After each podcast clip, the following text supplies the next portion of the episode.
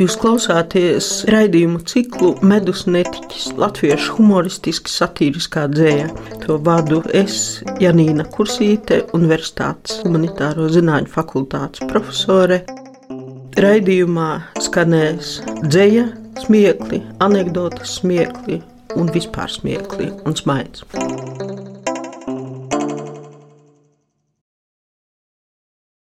Šodien runāsim par Eduardu Veidenbaumu īsu mūžu nodzīvojošo spilgto dzīvnieku personību. 1867. dzimšanas gads, 1892. miršanas gads.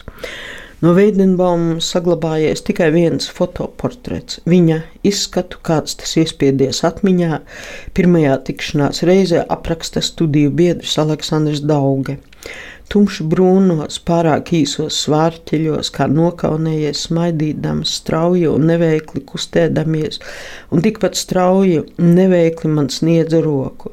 Man pirmā acu mirklī dīvaina un gandrīz drausmīgi izlikās viņa samērā ar ķermeni ļoti lielā galva, ar augsto pieri un aiz zilganiem brīļu stikliem savādi nemierīgi spūgojošām lielajām acīm. Veidenbauma tēvs bija viens no pirmajiem vidzemes latviešiem, kam jau 1824. gadā izdevās zemi iepirkt savā īpašumā. Tātad Eduards nebija ne nabaks, ne strādnieks, ne kalps. Apkārt vērojamā nevienlīdzība viņu ietekmēja. Veidenbauma dzējas pamatžanrs ir satīra, kurā viņš sūrojās par pasaules netaisnībām Andrejs Johansons Veidenbaumu nodēvēja par filozofisko pesimistu. Dzīvnieks Edvards Virza saredz Veidenbaumā vientulības traģēdiju. Viņš raksta, virza raksta, ka cilvēks ir viens pats un negaida, nekam neticēdams, ne no kurienes palīdzību, tad viņš nevar ne raudāt, ne smieties, bet tikai domāt tumšu domu.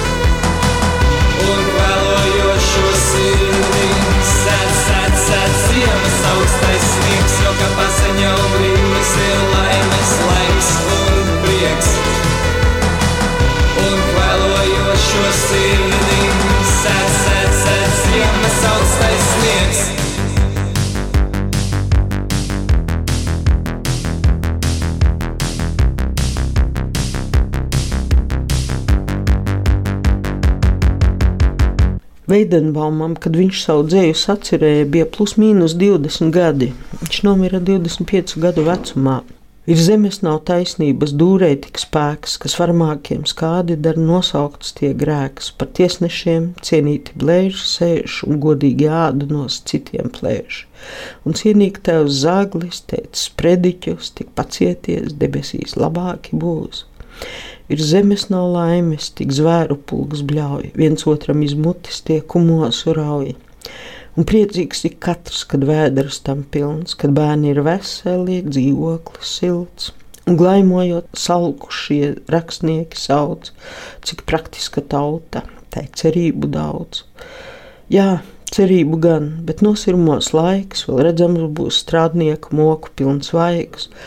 Vēl liekēži slinkos un godīgi krāps, vēl ļaudis pēc debesu valstības slāps. Zem kājām varmākas taisnību mīs, par kaujamiem lopiem vēl cilvēkus dzīs. Muļķīgas dzējas vēl dzēnieki kals un vaimanās paši, kad salkas tie un sals. Veidenbaums nebūtu neidealizējis strādniekus un revolūciju kā pasaules glābēju.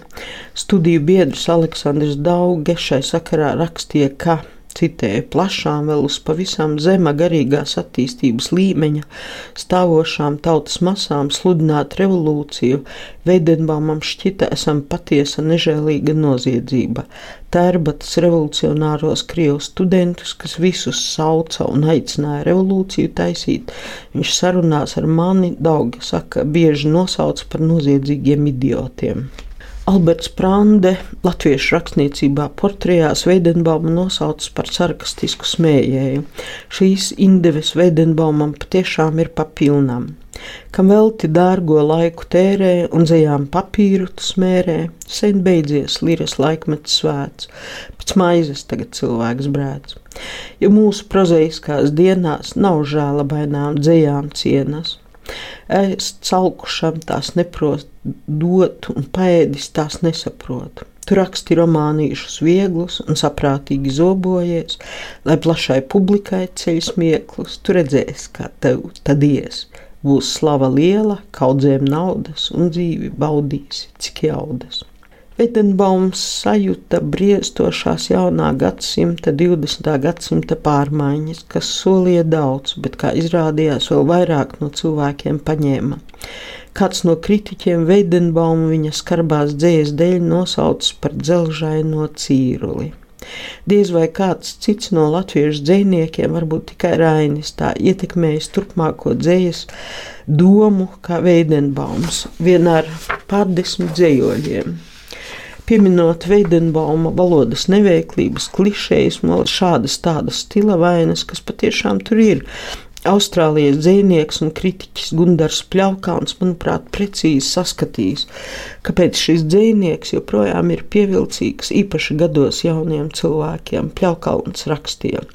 Pietiekami jūtīgs lasītājs sāk manīt, ka šai dzējai ir Veidenbauma jaunā, kalsnā, pa daļai mazliet robustā sēja, kuras vaipstos it kā apvienots Don Kihots un Sančo Pansa, pie tam pirmais ievērojamā pārsvarā.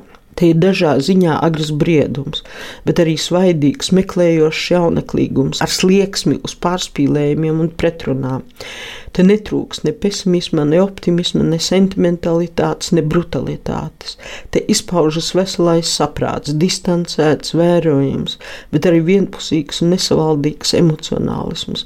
Tā ir drusku puiciska dzēja, bet aiz šī puiciskuma var just lielu inteliģenci un neparasti spēcīgu gribu. Tā Gundars Pļaukalns. Te varētu būt ievas akurātires Mm, dziedātās pēc goda, pēc varas, pēc mantas un vēdras dievs visaugstākais, bet varētu arī cits.